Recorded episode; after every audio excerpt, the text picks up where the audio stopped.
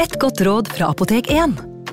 Nå er snart pollensesongen i gang, og et godt råd til deg som sliter med pollenallergi, er å begynne behandlingen i god tid før allergisesongen starter. Da får du nemlig enda bedre effekt av legemidlene, og så blir ikke våren din helt ødelagt. Kom innom og få råd på ditt nærmeste Apotek 1, eller chat med oss på apotek1.no.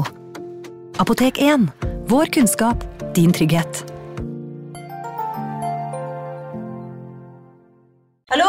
Jeg kommer fra Oslo politikammer. Ine Jansen er purk. Er du purk? The motherfucking bitch. Alt jeg vil, er å finne ut hva som skjedde med mannen min. Jon Carew. Er jeg sikta for noe? Iben Akeli. Det er du. Ole So, Lars Berrum og Big Daddy Karsten. Hvem sin side er du på, egentlig? Anette Hoff, Tone Danielsen, Kommer du fra Afrika? Jørnis Josef, Nesten kløfta. Trond Espen Seim, Det er synd å si det, men det var feil mann som døde. Purk. Premiere tirsdag på TV2 Play. Ungsamtalen fra DNB er økonomisk veiledning tilpasset deg som er ung. Bokk en ungsamtale på dnb.no. slash ung. Det er kjempebra hvis du skal inn på boligmarkedet, hvis det er drømmen din, liksom. Det er det du skulle sagt. Og så kunne du ropt litt mer, da, sånn som jeg gjorde. Bam! Advarsel. Denne podkasten inneholder skildringer av ekte drap og kriminalsaker som kan være støtende for enkelte. Det advares også mot sterke inntrykk i deler av episoden. Erie, Pennsylvania, 28. august 2003. Like før klokken halv tre på ettermiddagen kom Brian Wells gående inn i banklokalene. Han holdt det som lignet en stokk i hånden, og hadde en merkelig krage rundt halsen. Brian gikk rett bort til skranken og viste en lapp til en av de ansatte. På lappen var det skrevet noen svært klare instrukser. Få tak i den ansatte med tilgang til bankhvelvet, og fyll denne bagen med 250 000 dollar. Du har kun 15 minutter. Lappen indikerte også at Brian hadde på seg en bombe. Da kassereren så opp, løftet Brian T-skjorten sin og avslørte at han hadde en komplisert mekanisk konstruksjon festet til kroppen. Rundt halsen hadde han noe som lignet en metallkrage. Det var ingen i banken som hadde tilgang til hvelvet, men kassereren fylte en bag med det som var tilgjengelig av kontanter. Dette var riktignok under 9000 dollar, et godt stykke unna summen Brian hadde bedt om. Han tok bagen og forsynte seg med en kjærlighet på pinne fra skranken. Han vandret dermed ut av banklokalet og satte seg i bilen sin. Han ble oppdaget kort tid senere på en parkeringsplass i nærheten av banken. Politiet anholdt han på stedet og la han i jern. Brian fortalte politimennene at han var 45 år gammel og arbeidet som pizzabud. Han gjorde det tydelig at han kun fulgte ordre, og at han ikke hadde noe ønske om å rane banken. Han hadde vært på jobb da han ble overfalt av det han beskrev som en gruppe svarte menn. De truet han med våpen og tvang på han bomben før de sendte han av gårde til banken. Brian virket livredd og desperat da han fortalte politiet at bomben var i ferd med å eksplodere. Politiet kalte umiddelbart inn bombeeksperter og søkte dekning i nærheten. Brian ble sittende på bakken med hendene festet i håndjern bak ryggen. Etter 25 minutter begynte den mekaniske konstruksjonen å gi fra seg en distinkt eskalerende pipelyd. Bomben var fremdeles festet rundt halsen hans, og Brian hadde ikke mulighet til å søke tilflukt noe sted. Plutselig eksploderte bomben, og Brian smalt ned i bakken. Eksplosjonen etterlot han med et stort hull i brystet. Han døde i løpet av kort tid av de omfattende skadene. Dette er historien om The Color Bomb Heast og drapet på Brian Wells. Velkommen til True Crime Podden.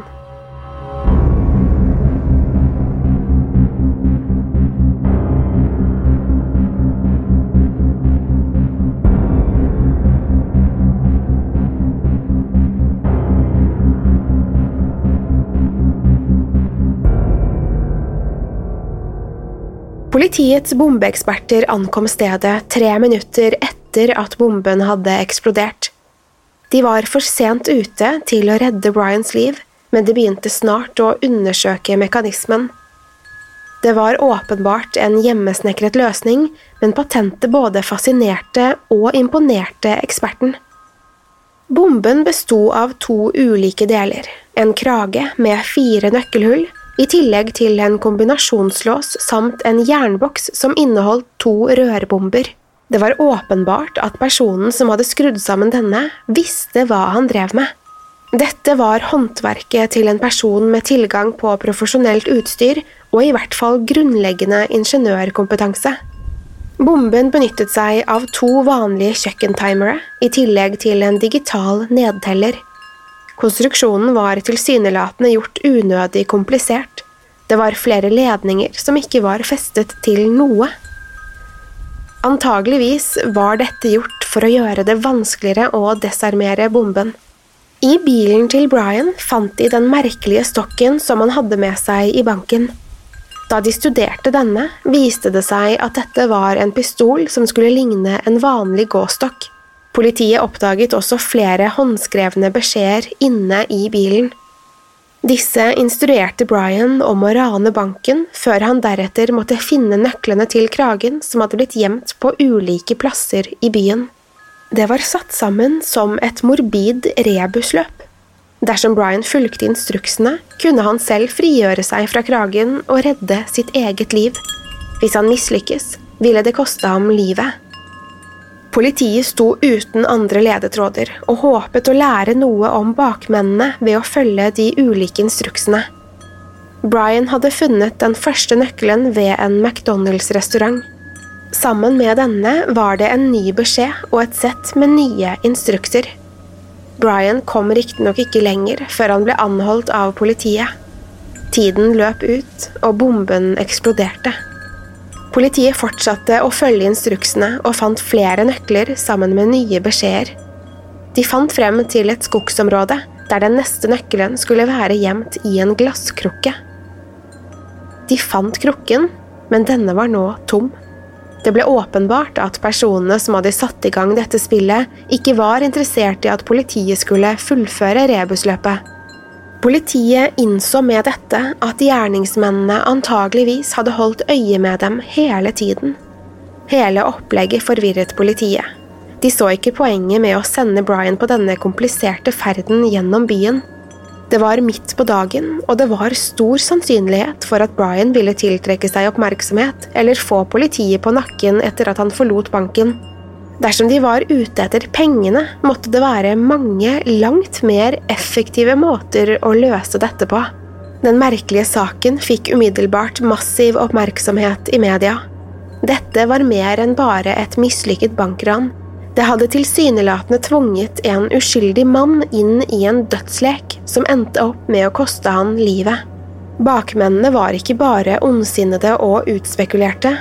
Bomben de hadde konstruert, gjorde dem umiddelbart langt mer sofistikerte enn typiske bankranere. FBI ble snart koblet inn i saken og kastet seg ut i en lang og kompleks etterforskning. Enn så lenge var Brian Wells den eneste koblingen de hadde til saken, og det ble derfor naturlig å finne ut hvem han hadde vært.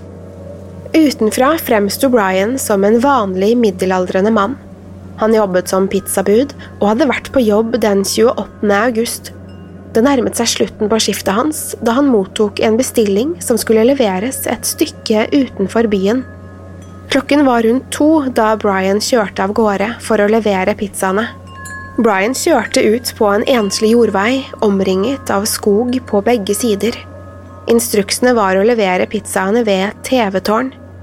Det var en uvanlig bestilling, men Brian tok frivillig på seg oppdraget. Etterforskerne fant spor etter Brians bil, men ingen nye ledetråder om hva som hadde skjedd med han. Det var ikke mye bebyggelse i området, men et av de få husene tilhørte en mann ved navn Bill Rothstein. I løpet av en snau måned skulle også han komme i politiets søkelys. Den 20. september ringte nemlig Rothstein til politiet. Han fortalte at han hadde et lik gjemt unna i fryseren i garasjen sin. Politiet dukket snart opp for å undersøke denne påstanden og tok Rothstein inn til avhør. Da han snakket med politiet, fortalte Rothstein at liket hadde tæret på samvittigheten hans, og at han til og med hadde vurdert å ta sitt eget liv. Rothstein fortalte at den avdøde het Jim Roden, men nektet for å ha noe med drapet å gjøre. Politiet fant snart Rothsteins selvmordsbrev og hang seg særlig opp i én detalj. Han hadde nemlig åpnet brevet med å skrive at liket ikke hadde noe med drapet på Brian Wells å gjøre. Rothstein begynte å fortelle hvordan Roden hadde endt opp i fryseren hans. Det hele begynte da Rothstein plutselig ble oppringt av en gammel bekjent. Hun het Marjorie Deal Armstrong og hadde hatt et forhold til Rothstein mange år tidligere. Men Marjorie ringte ikke for å mimre om svunne tider. Hun fortalte at hun hadde havnet i en voldsom krangel med kjæresten sin og endte opp med å skyte han i ryggen med en hagle. Hun tok kontakt med Rothstein for å be om hjelp til å kvitte seg med liket og fjerne bevismaterialet fra hjemmet hennes. Rothstein hadde til slutt gått med på å hjelpe henne, og det var slik Roden endte opp i fryseren hans. Planen var opprinnelig å kverne opp kroppen, men dette ble for mye for Rothstein. Han innså snart at Marjorie var en helt annen person enn han trodde hun var, og begynte å frykte hva hun kunne finne på. Han komponerte et selvmordsbrev og forberedte seg på å ta sitt eget liv, men valgte til slutt å kontakte politiet. Marjorie ble snart arrestert for drapet på Jim Roden. Hun erklærte seg til slutt skyldig, men hevdet samtidig å være mentalt syk. Hun ble dømt for drapet og mottok en fengselsstraff på 20 år. Bill Rothstein hadde i mellomtiden blitt alvorlig syk og gikk bort etter å ha tapt kampen mot kreften. Etterforskningen av Brian Wells-saken hadde mer eller mindre stagnert og hadde enn så lenge ikke blitt koblet til drapet på Jim Roden. Snart skulle likevel etterforskerne motta et tips fra en lokal politimann som hevdet at Marjorie hadde hintet om at hun satt på ny informasjon om saken.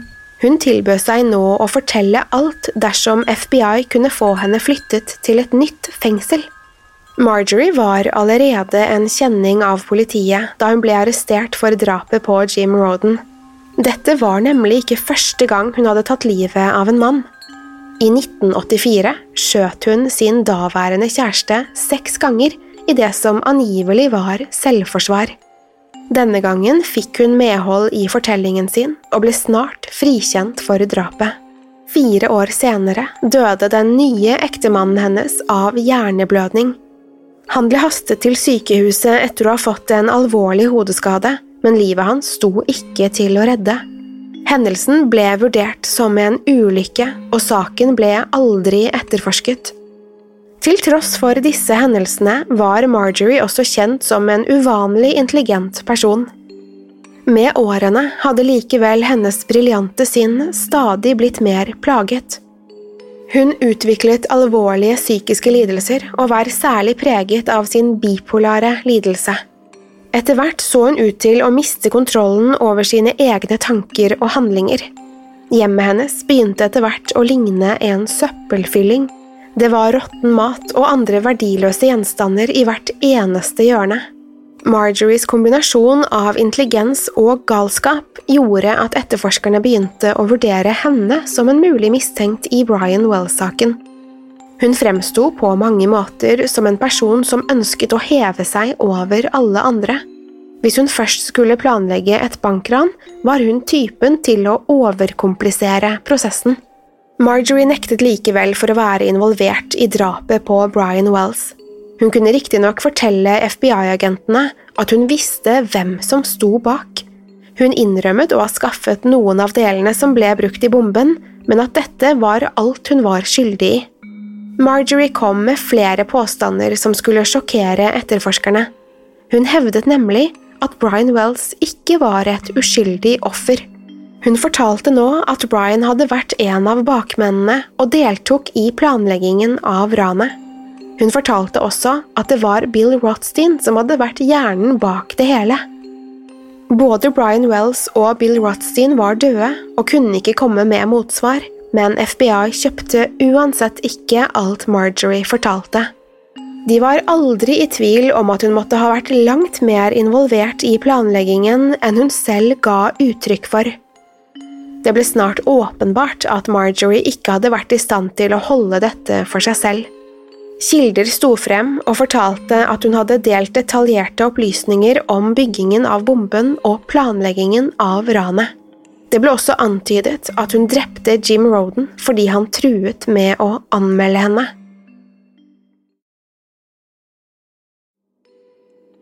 Noen måneder senere sto nye vitner frem, og nok en person ble trukket inn i saken.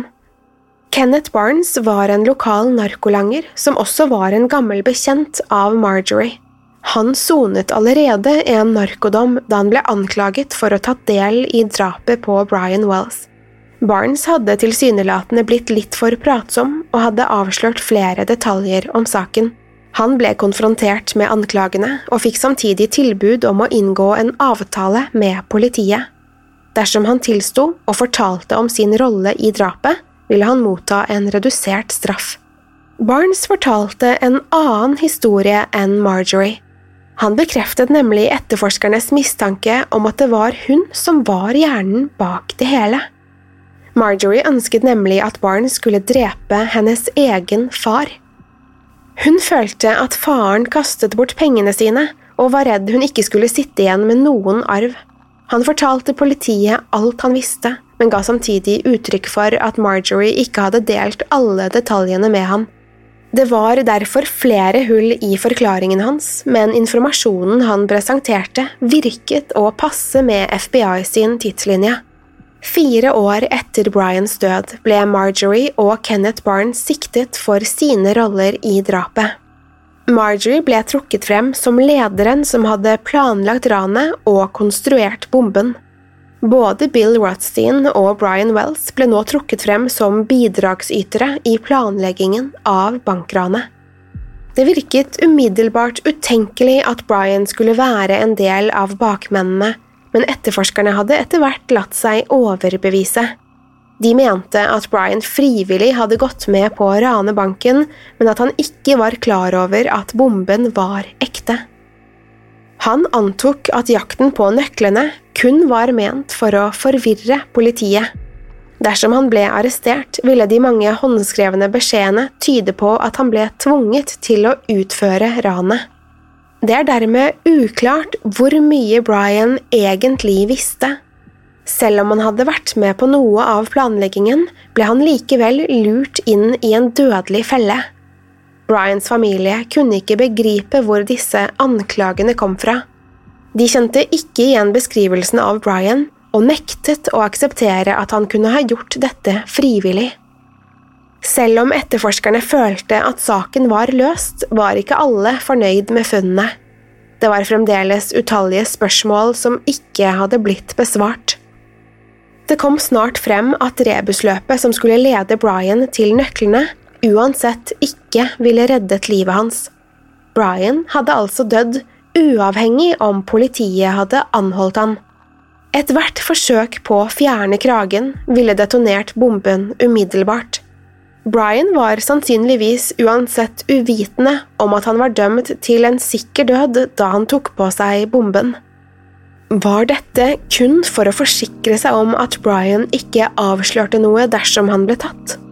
Kenneth Barnes erklærte seg skyldig og mottok fengselsstraff på 45 år. Han håpet riktignok at straffen kunne bli redusert dersom han vitnet mot Marjorie. Mange håpet at rettssaken mot Marjorie skulle fylle inn de resterende hullene i saken. Men før rettssaken kunne finne sted, måtte ekspertene avgjøre om Marjorie var tilregnelig. Da rettssaken endelig så ut til å nærme seg, kom det nok en nedslående nyhet. Marjorie ble nemlig diagnostisert med kreft, og prosessen ble nok en gang utsatt. Marjorie ble derfor ikke stilt for retten før i 2010. Legene hadde på dette tidspunktet anslått at hun hadde mellom tre og syv år igjen å leve. Kenneth Barnes inntok vitneboksen og begynte å fortelle om hendelsene som hadde ledet til Bryans død. Han fortalte at Marjorie hadde lagt planen på egen hånd og funnet mennesker som var villige til å hjelpe henne. Han mente at Brian hadde latt seg forføre av ideen om en stor sum penger. Barnes hadde blitt kjent med Brian da han forsøkte å kjøpe crack til en prostituert kvinne i bytte mot sex. Brian skyldte snart penger til narkolangeren og var i ferd med å havne i skikkelig trøbbel. Han hadde derfor kastet seg på muligheten til å tjene noen raske penger. Ifølge Barnes forsto ikke Brian at han hadde blitt lurt inn i en felle før dagen han ble drept. Da han til slutt innså at bomben var ekte, forsøkte han å rømme, men han ble overmannet og truet til å følge den opprinnelige planen. Marjorie ble tydelig brydd da hun lyttet til Barnes sin historie. Ved flere anledninger ga hun uttrykk for sin forakt og kalte han for en løgner. Til slutt fikk Marjorie muligheten til å fortelle sin versjon av saken. Hun var kjepphøy og svarte begge advokatene med flere frekke bemerkninger. Dommeren forsøkte å kontrollere henne, men Marjorie gjorde stort sett som hun selv ønsket. Hun nektet for å kjenne eller i det hele tatt å ha møtt Brian Wells. Hun hevdet at første gang hun hørte navnet hans, var da TV-kanalene rapporterte om hans død og rolle i ranet. Marjorie var riktignok ikke i stand til å overbevise noen om at hun ikke hadde vært involvert. Hun ble snart funnet skyldig i alle punktene hun var tiltalt for. Etterforskerne hadde tilsynelatende kommet til bunns i saken. De skyldige var identifisert og dømt, men mange stilte likevel spørsmål ved domfellelsen. Var det virkelig Marjorie Deal Armstrong som hadde planlagt drapet på Brian Wells? Penger ble presentert som Marjories motivasjon, men Brian var praktisk talt dømt til å mislykkes. Det er vanskelig å se for seg et scenario der han hadde kommet seg unna politiet. Ekspertene som analyserte saken, mente at det var mye som tydet på at personen som hadde planlagt ranet, ikke virket spesielt opptatt av pengene. Det virket heller som at målet var å sette sammen et lappeteppe av spor som var designet for å forvirre og villede etterforskerne. Dette stemte ikke overens med bildet av Marjorie. Etterforskernes teori var at hun trengte pengene for å få Kenneth Barnes til å drepe faren sin. Dette tegnet i større grad et bilde av en grådig person framfor en som var ute etter å spille et dødelig spill. Flere mente at Bill Rothstein fremsto som en vel så sannsynlig gjerningsmann. Han hadde tilgang på verktøy, utstyr og metall som ble benyttet for å lage bomben. Rothstein hadde også mye erfaring med å bygge avanserte maskiner. Han hadde i langt større grad enn Marjorie kompetansen som var nødvendig for å konstruere bomben. Flere spekulerte i om han hadde spilt en større rolle, slik Marjorie også hadde antydet. I ettertid kunne det nesten virke som at Rothstein hadde lekt med etterforskerne. Kontaktet han kanskje politiet for å komme de andre involverte i forkjøpet? På denne måten kunne han selv kontrollere informasjonsflyten til politiet. Rothstein styrte hele narrativet og valgte bevisst ut mennesker med lite kredibilitet og troverdighet. Marjorie var genial, men mentalt syk, og Barnes var en dømt narkolanger som selv hadde vært avhengig av crack-kokain. Brian Wells ble ryddet av banen da bomben gikk av. Rothstein fremsto selv som en mann tynget av dårlig samvittighet som var mer enn villig til å samarbeide med etterforskerne. Ønsket han kanskje å gjennomføre et ran som var så briljant at det ville skrives om i historiebøkene? Rothstein fortsatte riktignok å nekte for å være involvert, selv da han lå for døden. Hvorvidt det var Marjorie, Rothstein eller en helt annen person som sto bak bomben, forblir et ubesvart mysterium. Rothstein døde i 2004 som en fri mann, og Marjorie gikk bort i 2017. Dermed forsvant kanskje personene som kunne gi svar på de mange vedvarende spørsmålene.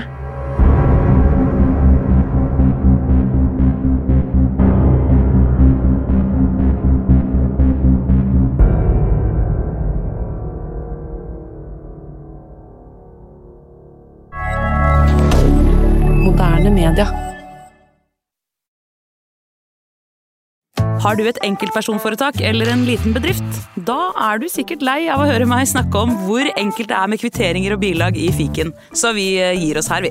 Fordi vi liker enkelt. Fiken superenkelt regnskap. Hei! Takk for at du lytter til True Crime Podden.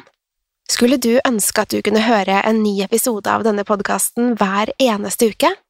Vel, da er det bare å laste ned podkastappen Untold med en gang.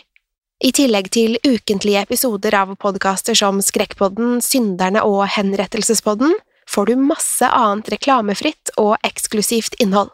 Last ned Untold i AppStore eller Google Play, og start din 30 dagers prøveperiode i dag. Ta